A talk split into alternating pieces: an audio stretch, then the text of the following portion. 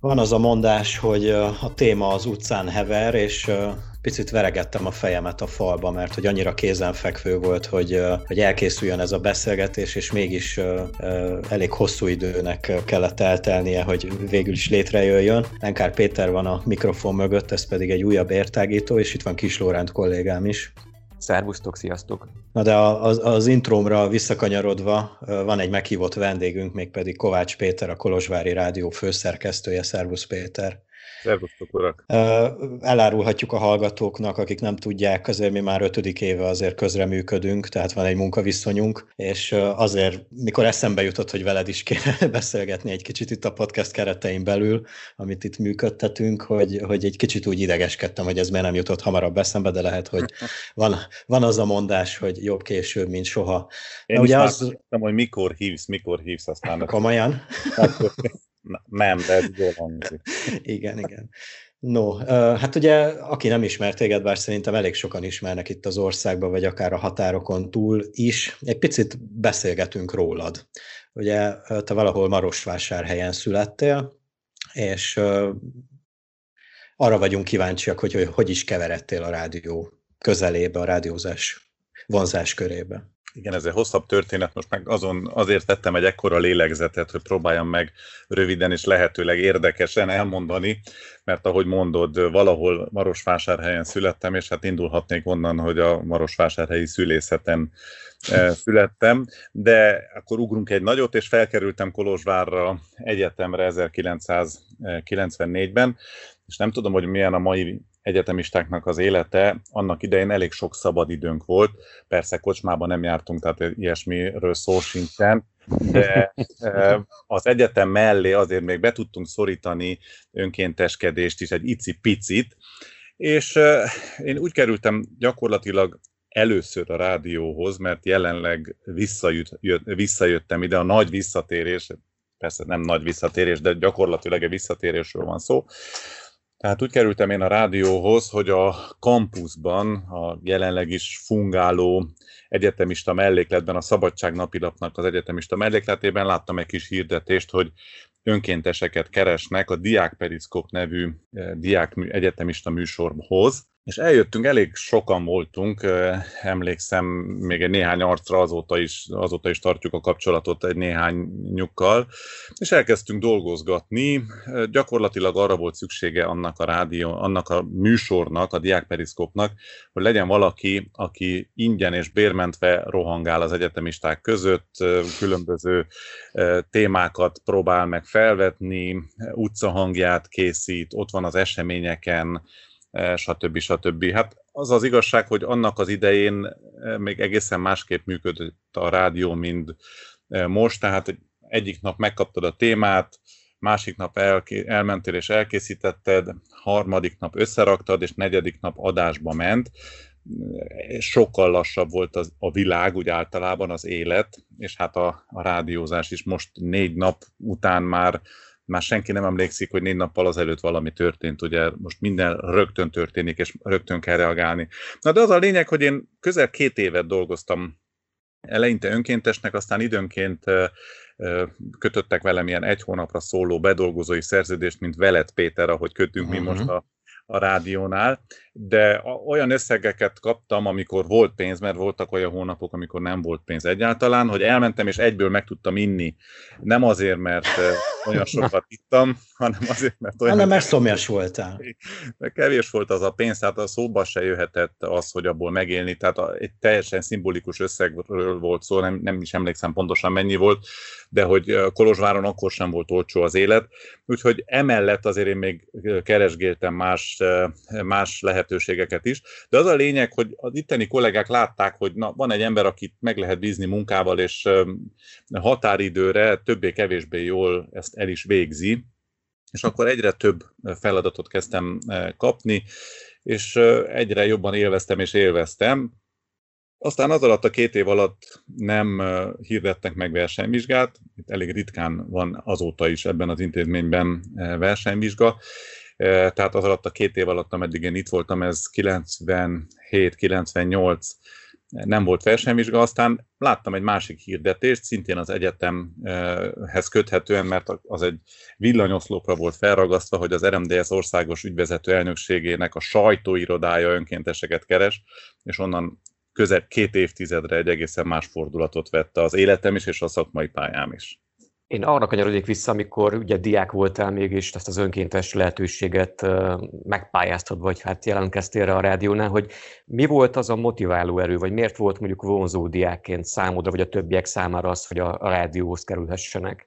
Miért a rádió? Miért rádiózás, igen? Persze, erre lehetne egy nagyon szép és szívmelengető és szívdobogtató választ kitalálni, tudnék több forgatókönyvet is elmondani, de nagyon egyszerű volt. Egyszerűen unatkoztam tehát túl sok szabadidőm volt, és, és kerestem valamit, amivel eh, leköthetném eh, magam, kerestem valamit, ami, ami, ahol otthon találjam magam, eh, és, és több minden, több ilyesmibe bele csöppentem, és az az igazság, hogy a, a pályám alatt, akár a médiában eltöltött évek alatt, akár a, a politikában eltöltött évek alatt azt látom, hogy egyre több fiatal van, aki, aki elmegy és kipróbálja magát, és ez, ezt én nagyon-nagyon jó dolognak tartom, mert a, az egyetemi éveim alatt nagyon sokat diáknapoztunk, minden évben itt ugye a Kolozsvári Diáknapnak Erdély szinten híre van és rangja van, főleg a, a fiatalok körében, és az, hogy ott a te kis csapatodat koordinálod, de lehet, hogy az a csapat éppen a háromtagú,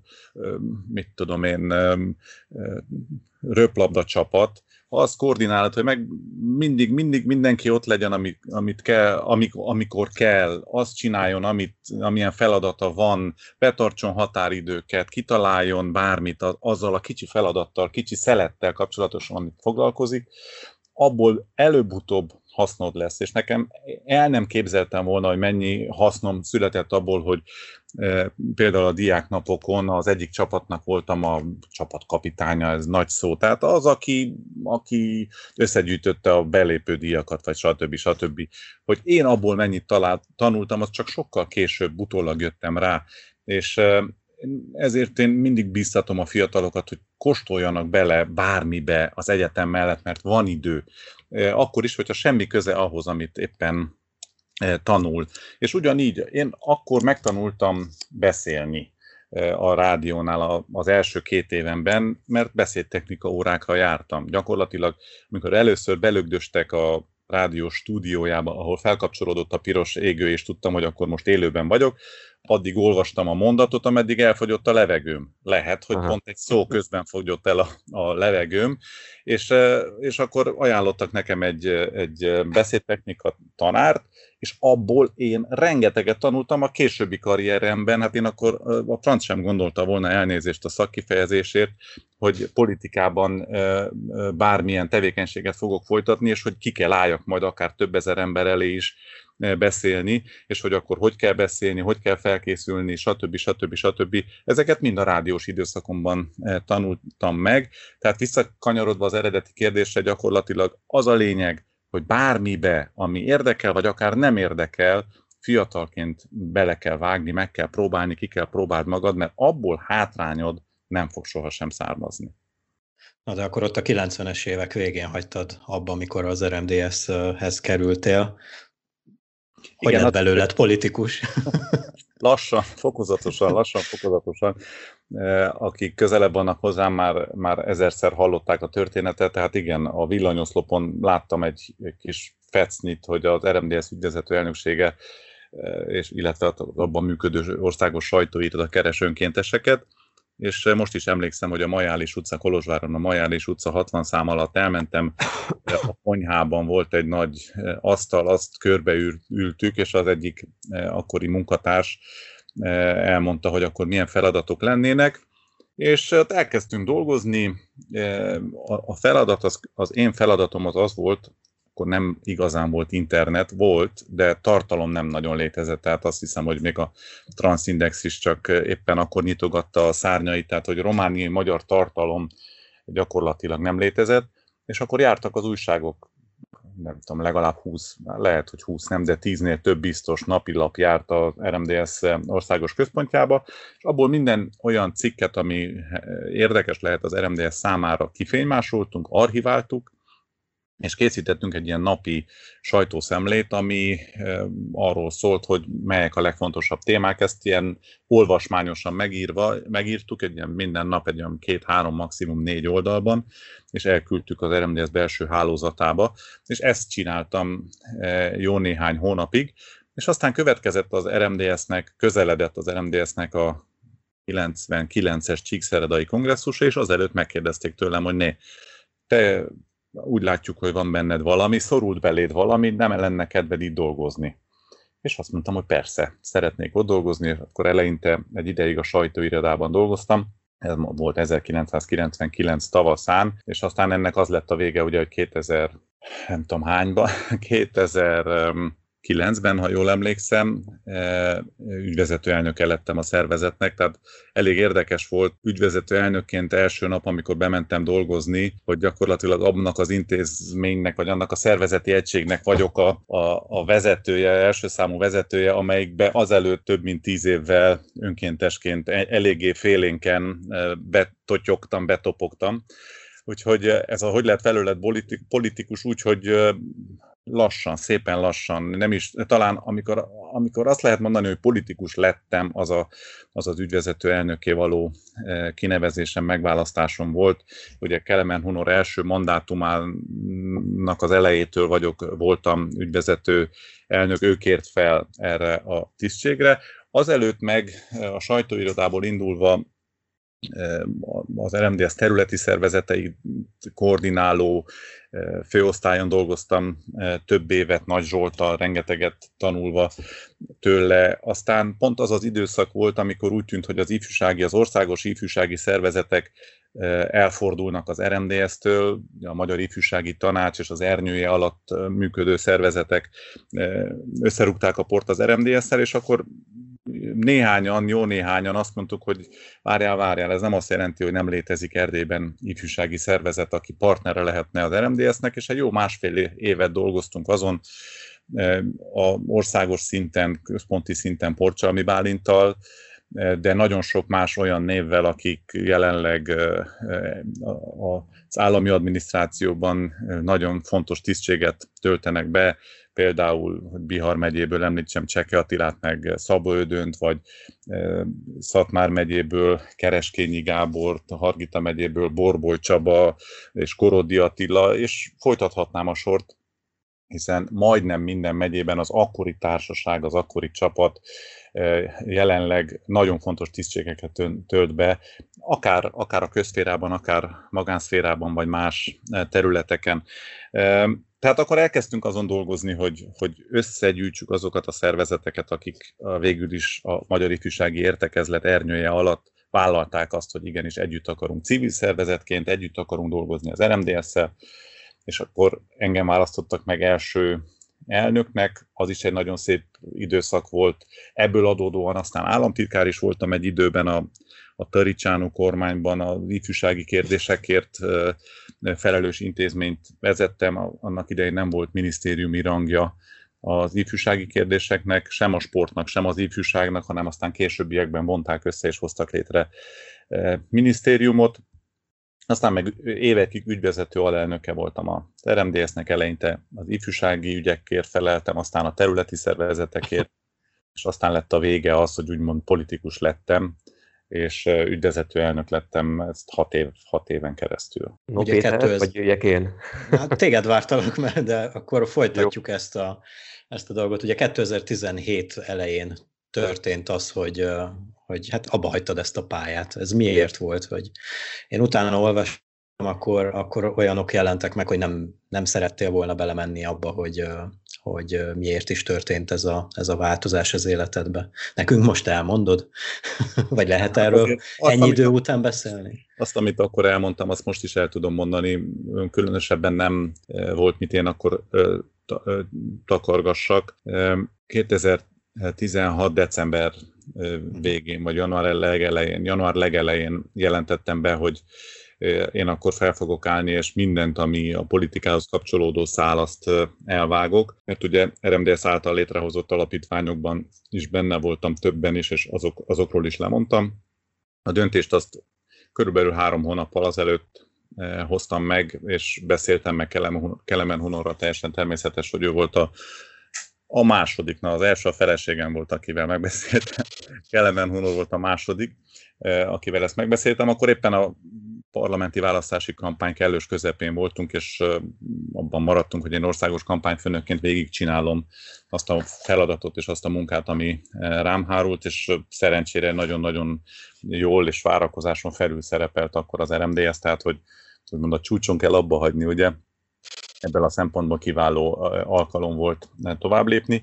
Gyakorlatilag két szelete van annak, ami, ami arra a döntésre jutott, juttatott engem, hogy abba hagyjam, de részben azért összefüggenek ezek a, ezek a szeletek, vagy ezek a területek.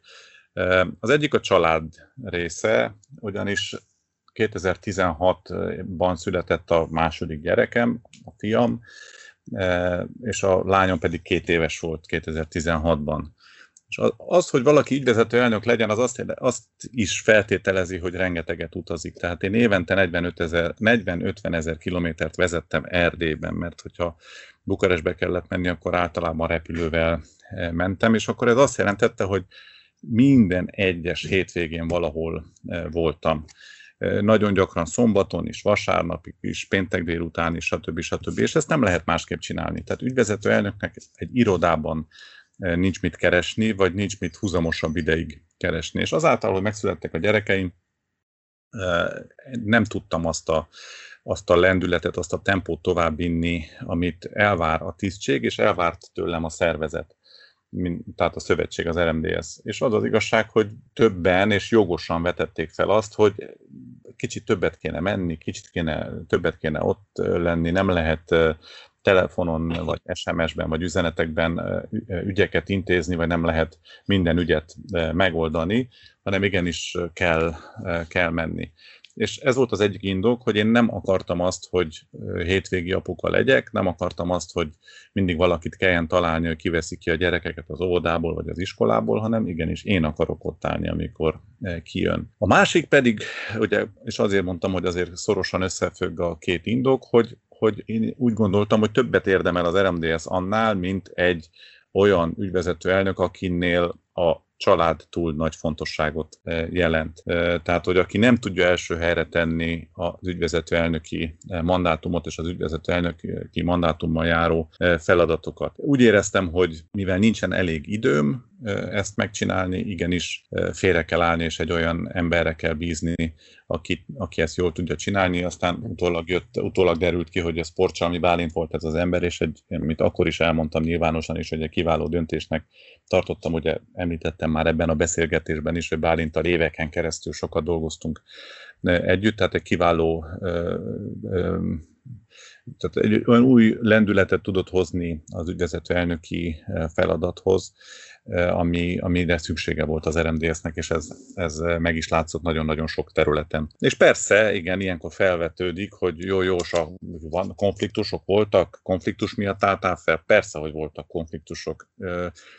18 éven keresztül dolgoztam az RMDS-ben, hogyha az önkéntességtől kezdve egészen a, a végéig számítjuk, 18 év az rengeteg idő, és rengeteg konfliktuson volt, egy része azóta sem varródott el, tehát egy olyan szál, amit nem vartunk el, egy másik része időben, vagy közben megoldódott, úgyhogy persze voltak konfliktusok is, de a lényeg az, hogy ezt a csomagot, ha így veszük, ahogy elmondtam nektek, ez, ez vezetett oda, hogy szeretnék, hogy úgy döntöttem, hogy felállok, és nem, egyáltalán nem mellékesen az a lehetőség, hogy én vissza tudok térni a Kolozsvári Rádióhoz.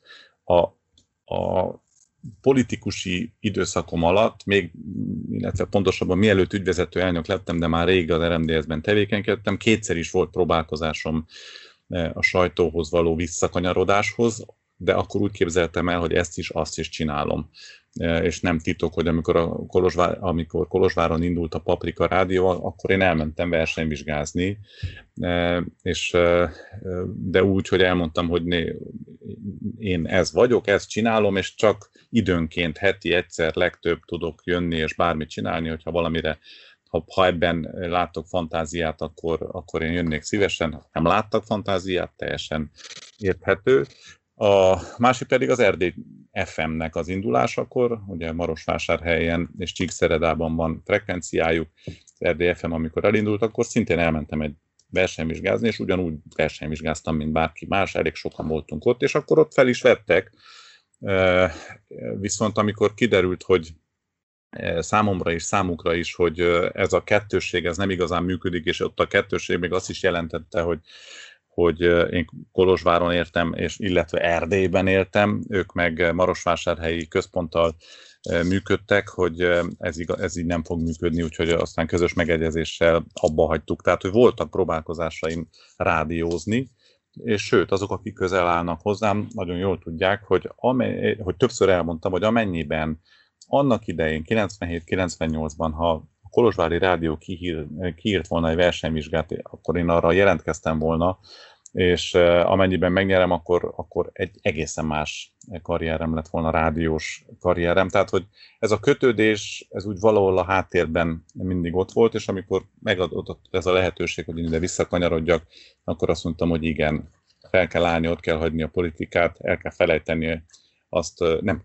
nem, ezt rosszul mondtam, nem igaz, hogy el kell felejteni, mert rengeteg minden, amit, amit hoztam magammal, az ebben a munkámban is segít, hanem bele kell vágni egy új történetbe. Én akkor 42 éves voltam, 41-42 éves, 42 igen, és talán az úgy már úgy a vége fele tart, amikor az ember ilyen nagyokat vált, aztán később már, már túl öle, öregnek tartja magát az ember a váltáshoz. A 40-es évek első időszakában még úgy gondolom, hogy simán belefér egy akár ilyen teljesen váratlan és éles váltás. Azóta úgy érzem már rég, tehát az ele, ele, első hetek, első hónapokban bizonytalan voltam, hogy vajon jól döntöttem-e, de azóta már rég úgy, talál, úgy gondolom, hogy igenis itt megtaláltam a helyemet.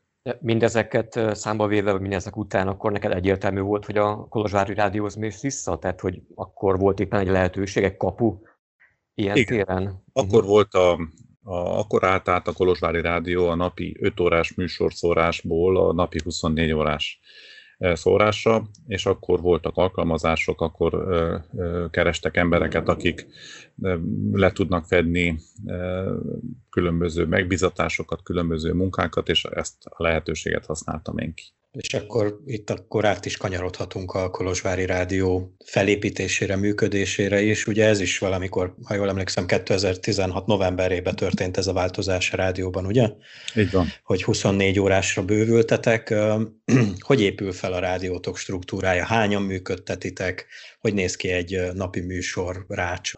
A, a legnagyobb megdöbbenés számomra amikor ide kerültem, az az állami adminisztrációval kapcsolatos, hogy is mondjam, logikátlanság, talán ez a leg, legjobb szó. Tehát azon csodálkoztam, hogy hogy tud működni egy két, több mint 2000 alkalmazottas intézmény, mert ugye mi a közrádió az bukaresti kötődések, kötődésű és bukaresti koordinációval működik, hogy, hogy mindenhez kell öt aláírás, három pecsét, két iktatási szám és fax. Tehát körülbelül így, így működött, és hogyha nekünk nincs golyostólunk itt Kolozsváron, vagy egy mikrofonnak a drótja megszakad, akkor, akkor az Bukarest kell jóvá hagyja, Bukarest kell beszerezze, Bukarest kell elküldje, stb. stb. Tehát ez volt nagyon-nagyon nehéz számomra valahogy feldolgozni és megszokni, szerintem soha nem fogom tudni megszokni, de azért most már valamennyire bele tanultam, hogy a, az ötlettől a végrehajtásig eljutni, az sok esetben éveket jelent. És úgy, hogy az ötlettől a kitalálásig és a, a, a döntésig viszonylag hamar el lehet menni, de hogy a döntést végrehajtani, az, az mondok is egy konkrét példát, a Kolozsvári Rádió adáskabinjában egy régi keverőpult van, egy nagyon régi, tehát szerintem legalább 30 éves, nem digitális, stb. stb. Tehát minden szempontból ideje múlt, és ezelőtt két évvel, kettő évvel ezelőtt kaptunk egy vadonatúj, modern adáskeverő pultot, ami azóta sincsen beszerelve, mert nincs egy asztal, nincs egy bútordarab, egy íróasztal, egy ezer lejes asztal, amibe bele lehetne helyezni. Mert annak a beszerzése az egy egészen más folyamat, eh, ami úgy néz ki, hogyha a jóisten is úgy akarja, és mindenki úgy akarja, hogy a következő hetekben meg fog születni, de két éve itt van a keve, az adáskeverő pult, és kerülgetjük. Vagy egy másik konkrét példát mondok, 2017-ben a, a 24 órára való átállás után e, valahogy nagy nehezen elintéztük, hogy legyen az adáskabinban légkondi, mert elég nehéz 40 fokban adást vezetni. És megjött a légkondi májusban, és felszerelték szeptemberben. Tehát mire lejárt a kánikula, addigra felszerelték, mert maga a felszereléssel járó feladat az egy másik közbeszerzés volt, egy másik folyamat volt, és hát akkorra sikerült ezt megoldani. Na most így működik ez az egész román állam, teszem hozzá nagyon csendben és diszkréten. De így működik, csak egy pici szelete, gondolom. E, igen, és így működik ez, a, ez, a, a, a, ez az állami intézmény is, Na tehát ezt, ehhez kellett eh, valahogy hozzászokni. Ez a rossz, ez a rossz részem, a rossz részével indítottam. A jó része az, hogy senki nem szól bele abba, hogy mi itt a tartalom szempontjából mit csinálunk. Azt is mondhatnám, hogy senkit nem érdekel, hogy mit csinálunk, de azt mondom, nem szólnak, nem szólnak bele tehát eh, soha nem mondják meg, hogy mi kell, senki a, a intézményben, hogy akkor melyek kell legyenek a fő témák, hogy akkor éppen melyik eseményre menjen a riporter, vagy melyik esemény, kiszállásra menjünk ki, hova érdemes elutazni, hova nem érdemes elutazni, stb. stb.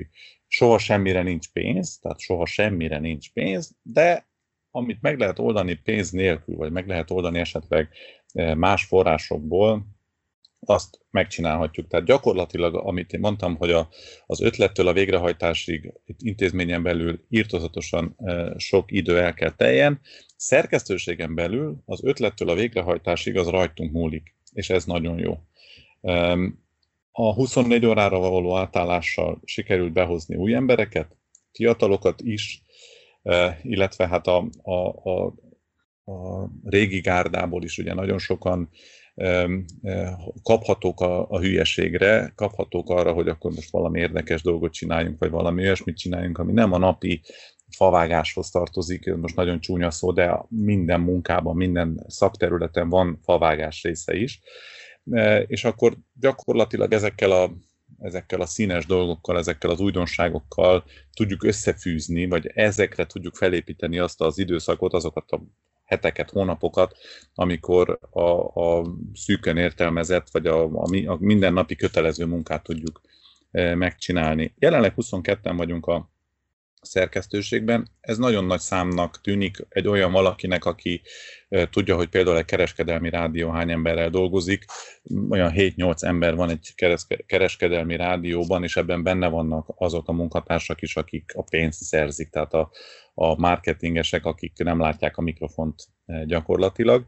Eh, viszont én úgy gondolom, hogy indokolt eh, ez a szám, mert ahhoz, hogy valós közszolgálati tartalmat tudjál nyújtani, ahhoz nem elég dal-dal, egy kis csevej élőbe, dal-dal, még egy kis csevej élőben, hanem igenis olyan típusú műsorokra, olyan típusú sokszor réteg műsorokra van szükség, amit máshol nem kap meg a romániai magyar e, hallgató a frekvenciákon, tehát az interneten ugye most már minden elérhető, akár rádió formájában, akár más tálalásban, de a frekvenciákon nem lehet elérni, akár olyan réteg zenei műsorokat nyújtunk, ami igenis tudjuk, hogy nem szól a, a széles hallgatói körnek, de igenis egy jazz igenis egy klasszikus zenét, egy operát, egy világzenét ott kell tartani, és hogyha nem a közszolgálati rádió, akkor, akkor ki. Tehát, hogy szükség van, én úgy gondolom, erre a számú munkatársi körre. Teszem hozzá, hogy jelenleg kevesebben vagyunk a 24 óra lefedésére, mint annak idején a napi 5 órának a lefedésére, de boldogulunk, ez, ez tök logikusan hangzik. Ugye, ugye. Boldogulunk, és hogyha azt mondtam, hogy nagyon sok minden, amit én a politikában tanultam, segítségemre volt, van itt a rádiónál, az egyik például pont az, hogy a, hogy a munkatársaknak a terhelését hogy tudom megoldani, vagy hogy lehet megoldani. Én úgy gondolom, hogy jelenleg tehát amikor ide kerültem, akkor óriási különbségek voltak. Pont akkor történt meg az átállás a 24 órára, és volt olyan, aki, aki döglött bele a munkába, és volt, aki szinte azon a szinten maradt, ami az, az előtti terhelése volt, és akkor ezt, ezt lehetett egy kicsit egyenesbe hozni, ezt lehetett menedzseri szempontokat figyelembe véve, és nem rádió szakértői szempontokat figyelembe véve egyenesbe hozni. A műsorrácsunk gyakorlatilag struktúra szempontjából úgy épül fel, mint bármelyik más rádiónak a, a, a tartalma, a szolgáltatása, figyelembe véve, hogy melyek azok az órák, amikor a leginkább hallgatottak vagyunk, ugye ez reggel és délután, tehát a, a drive time, amikor reggel bemennek az emberek dolgozni, és utána hazamennek az emberek dolgozni, ez 8 és 10, illetve délután 4 és 6 között ezek a leghallgatottabb órák a világon bárhol, hogyha rádiózásról beszélünk, és megpróbáljuk ezekben az órákban nyújtani a, a legsúlyosabb, legérdekesebb, legfontosabb tartalmakat. Ide vannak a, a, a legjobb műsoraink, legjobb, hát természetesen a Kolozsvári Rádiónál minden műsor jó, de hogy a legnagyobb érdeklődésre számot, vagy számítható műsorok és témák ide vannak be, téve, ugye a reggeli műsor az 7-től 10-ig van, az egy három órás blokk, aztán 10-től 1-ig van az Office Time nevezetű rádiózási idő, ott, ott megint az is egy három órás blokk, ahol sokkal több a zene, rövidebbek a, a bejátszások, inkább rovatokat készítünk elő, ritkábban olyan típusú élő beszélgetések, amelyek közvetlenül aktualitásokra vonatkoznak, de, de nem a nem politikai aktualitás, hanem teszem fel, a hétvégén van valami esemény, gyerekesemény, és akkor meghozzuk a szülőknek a kedvét, hogy hétvégén menjenek ki arra, arra az eseményre. Aztán délután pedig van egy Rock and Roll FM nevű műsorunk, ami nem hiába rock and roll, igen, időnként egészen keményen a hurok közé csapunk, ilyen Rammsteinig, vagy Metallicaig, vagy ACDC-ig elmenve. Négytől ötig a, mindig valamilyen meghívottunk van, minden nap más tematikában, hétfőn a sajtóklubnak hívják ezt a műsort, ami 4 és 5 között van, tehát újságírókról vagy újságírókkal foglalkozunk, kedden kulturális műsor, szerdán elsősorban szociális témákat dolgozunk fel, csütörtökön mindig van egy meghívottunk, akitől élőben kérdezni lehet, és pénteken 4 óra és 5 óra között van a legújabb műsorunk, amit a tavaly ősszel találtunk ki, és én úgy gondolom, hogy nagyon jól működik. Arról szól, hogy a, az, amit Kolozsvár, de azóta rájöttünk, hogy nem kell ter, szűken Kolozsvárra gondolni, hanem Erdély nyújt az innováció szempontjából azt megmutatni, hogy teszem fel mozgássérült vagy fogyatékossággal élő személyeknek a sí, hogy, hogy lehet biztosítani, hogy el tudjanak menni sízni, és akkor van egy egyesület, aki ezzel foglalkozik a Madarasi Hargitán, és akkor azt megmutatjuk. Vagy hogy a tiny house, tehát ezek az apró házaknak a gyártása eh, hogy működik. Eh, vagy egy másik témánk, itt most konkrét témákat mondok, amik nemrég voltak, hogy egy, egy startup pályázat által elnyert finanszírozással valaki hogy tud turkálókból vásárolt ruhákat újra értelmezni, újra gyártani, újra felhasználni és eladni. Tehát, hogy mind olyan embereket keresünk, akik, akik valamibe, olyasmibe vágták a, a fejszéjüket, ami nem megszokott. Tehát ez, ez van pénteken. Aztán 5 és 6 óra között van egy, egy egész órás aktualitásokat tartalmazó műsorunk, ebben hallható, Péter, ugye a te tudósi, napi tudósításaid itt mennek be, arra fektetjük, arra próbálunk törekedni, hogy mindig legyen egy fő téma, amit legalább két hangban, de gyakran három hangban, három interjúval körbejárunk, és 6 és 7 óra között pedig egy órás beszélgetés, ami, ami hát olyan, olyan aktualitások, amelyeket sokkal tágabb értelemben figyelünk meg, és járunk körbe, és, és mutatunk be, tehát nem feltétlenül az, hogy most a parlament ezt és ezt döntötte, és akkor valaki elmondja, hogy mi van a döntés hátterében, hanem, hanem a global picture, a teljes képet megpróbáljuk bemutatni, ami emögött van, és nem csak politikai aktualitás, természetesen nemrég egy virágkötővel beszélgettünk egy, egy nagyon-nagyon jó műsorban, és este aztán mese, meg zenés, tematikus rétegzene, zeneműsorok. Ami, Igen. Még egy mondatot elmondanék, ami egészen más a kereskedelmi rádiókhoz képest, hogy a kereskedelmi rádióknál az a szabály, hogy nem szabad sokat beszélni. Mi meg arra vagyunk büszkék, hogy beszélünk. Megbeszéljük, kibeszéljük, átbeszéljük az ügyeket. Mert meggyőződésünk, hogy az az idősebb korosztály, aki minket hallgat, és általában a közszolgálati rádiót hallgatja, annak nem elég azt mondani, hogy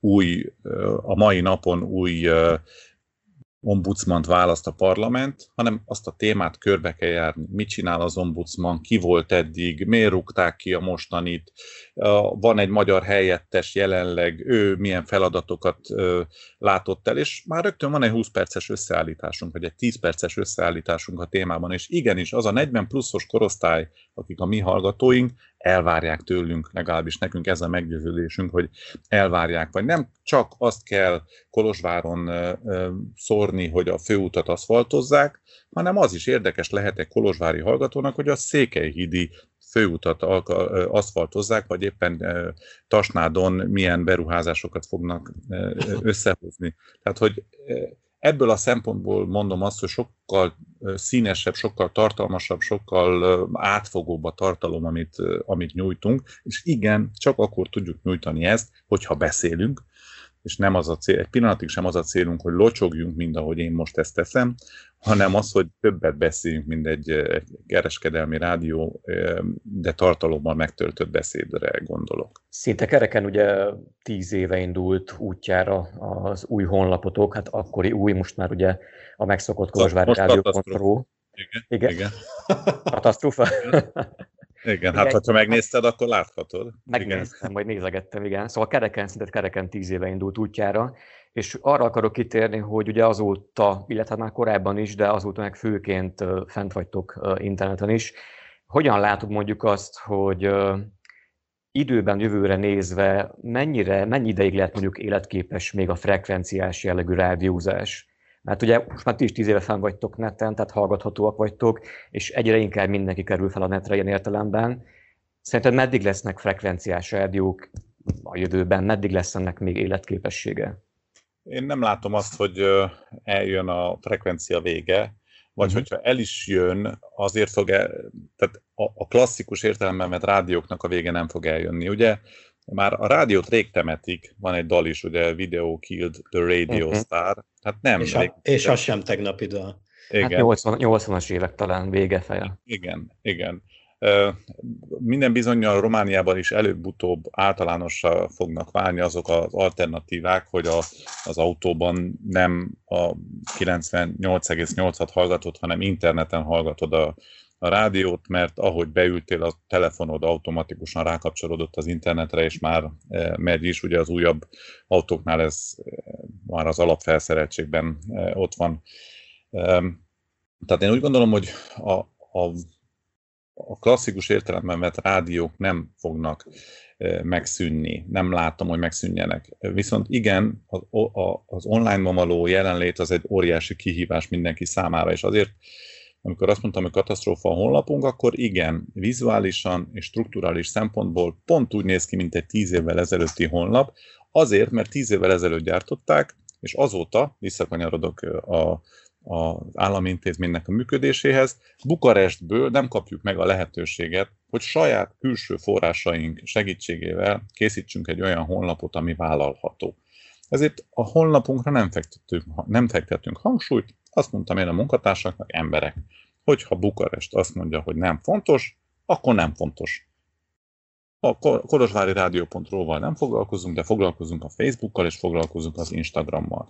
És négy évvel ezelőtt, amikor ez a nagy mondat, a történelemnek szóló mondat elhangzott az én számból, akkor a Kolozsvári Rádiónak volt, a Facebook oldalunknak volt 3800 követője, és most van 50 ezer követője, vagy közel 50 ezer követője.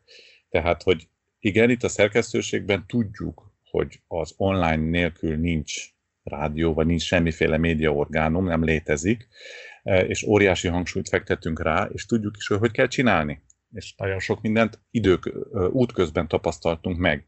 Az, hogy tizenvalahány szorosára nőttünk négy év alatt a Facebookon, az igenis azért, az nem véletlen, hanem mert nagyon-nagyon sokat agyaltunk és gondolkoztunk és, és kísérleteztünk.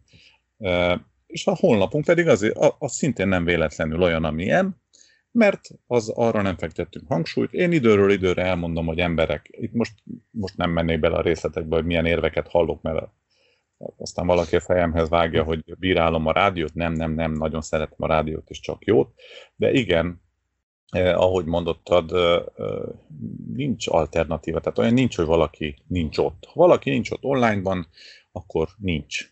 És éppen ezért a, a hangzóink, az interjúinknak a nagyobb részét feltöltjük, vagy nagyobb részéből harapásokat kivéve feltöltünk, mert az az igazság, hogy e, itt Erdélyben, vagy az erdélyi magyar piacon a podcast ahhoz, hogy, hogy hasítson, azért attól még nagyon messze vagyunk, még e, sok-sok évre vagyunk az, hogy a podcast az egy olyan szinten legyen, ahol, hogy, hogy igazán, tehát hivatkozási alap legyen, hogy valaki ezt és ezt mondta ebben és ebben a podcastben. De gyakorlatilag, hogyha mi a beszélgető műsorainkat feltennénk, vagy feltesszük-e részüket az internetre, podcast formájában, vagy a, azokra a platformokra, ahol a, a, a podcastek futnak, az, az már egy önálló olyan önálló online tartalom, ami podcastnek csomagolva eladható. Persze, akkor jön egy bukaresti munkatársa a jogvédelemről, hogy aki elmondja, hogy akkor az a szerződés, amit a munkatársal kötöttünk, az csak a frekvencián kimenő hangokra érvényes, és nem tehetjük fel podcastre, stb. stb. Szóval ez megint ugyanaz, hogy hogy működik, időről időre felteszem magamnak a kérdést, hogy mitől működik ez, a, ez az állam, ez a román állam, és ezen belül a, a román rádiótársaság, de igen, ott kell lenni, és minden, ami érdekes és hangzó, az a mi honlapunkon hangzó formában is visszahallgatható. Én azért bízok benne, hogy mondjuk 10 év múlva, vagy legyen 5 év múlva, 6 év múlva, valaki majd hivatkozik arra, hogy 2021 nyarán azt mondta Kovács Péter az értágító podcastben, hogy... Egészen biztos. De én, én úgy gondolom, hogy tehát ugye a, minden, ami online olyan hihetetlen lépésekkel fejlődik, hogy csak legyen, legyünk képesek követni. Tehát én azt látom, hogy a podcast is sokkal népszerűbb lesz belátható időn belül, inkább 5 év múlva, mint 10 év múlva. Itt most az erdélyi magyar piacról, fogyasztókról beszélek. Ugye itt mind a hárman a rádiózást választottuk. Én a te véleményedre lennék kíváncsi, mert kollégáim, a kollégáim tudom, meg a sajátomat is, de te miért a rádiózást választottad? Az elején ugye egy picit ott kaparáztam, hogy miért, de azt mondtad, hogy hát mert az a, az a lehetőség adódott, de aztán mégiscsak egy politikai pálya után mégis ezt választottad, vagy, vagy tértél ide-vissza. Miért jobb rádiózni, mint tévézni, vagy újságot írni? Hát a legfontosabb, hogy nem kell borotválkozni. Ez igaz. Be, be, beül a mikrofon mögé, és kész, nem látszik. Az újságíráshoz se kell, csak hozzáteszem.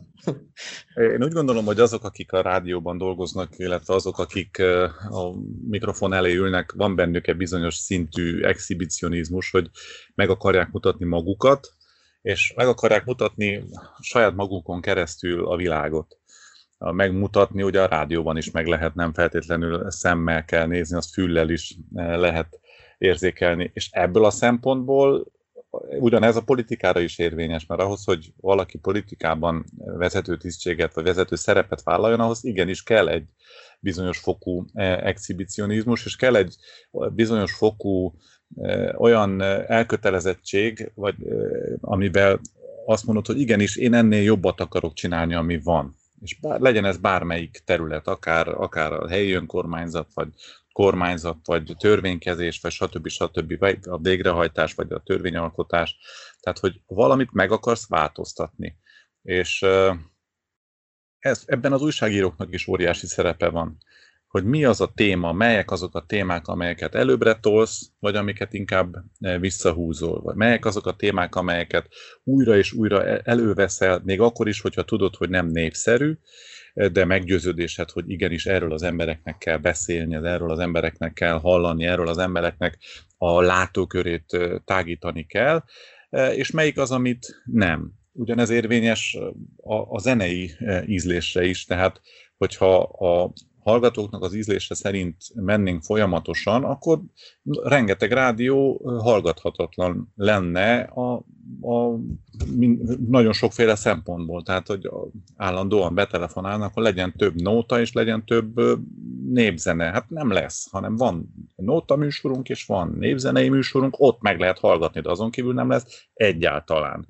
Akkor... Tehát, vagy, vagy hogyha a témákról beszéltem, ott van ugye most Magyarországon eh, nagyon is aktuális a homoszexualitás. Nem azt mondom, hogy a Kolozsvári Rádióban eh, folyamatosan a, a, a, a homoszexuálisoknak a, a jogait kell mi védjük. De igenis kötelességünk nekünk közrádióként bemutatni azt az álláspontot, álláspontot, amit képviselnek. Hogyha valaki elutasítja ezt, akkor azzal semmi baj nincsen, de legalább tudja, hogy mit utasít el. És rengeteg ilyen téma van, hogy teszem fel egy, egy kisebbségi nyelvű, magyar nyelvű romániai rádiónak, igenis kiemelten fontos a, a magyar vagy az anyanyelvű oktatásnak a kérdése, és hogyha az utolsó kis faluban, és itt most idézőjelben jó értelembe kell venni ezt az utolsó kis falut, nyílik egy bölcsöde vagy, egy óvoda, akkor mi ott kell legyünk, és el kell mondjuk, és el kell mondjuk Kolozsváron is, hogy az érmellékei legkisebb falu faluban megnyílt egy, egy óvoda, mert nagyon jól tudjuk, hogy a magyar nyelvű oktatás, a magyar nyelvű intézmények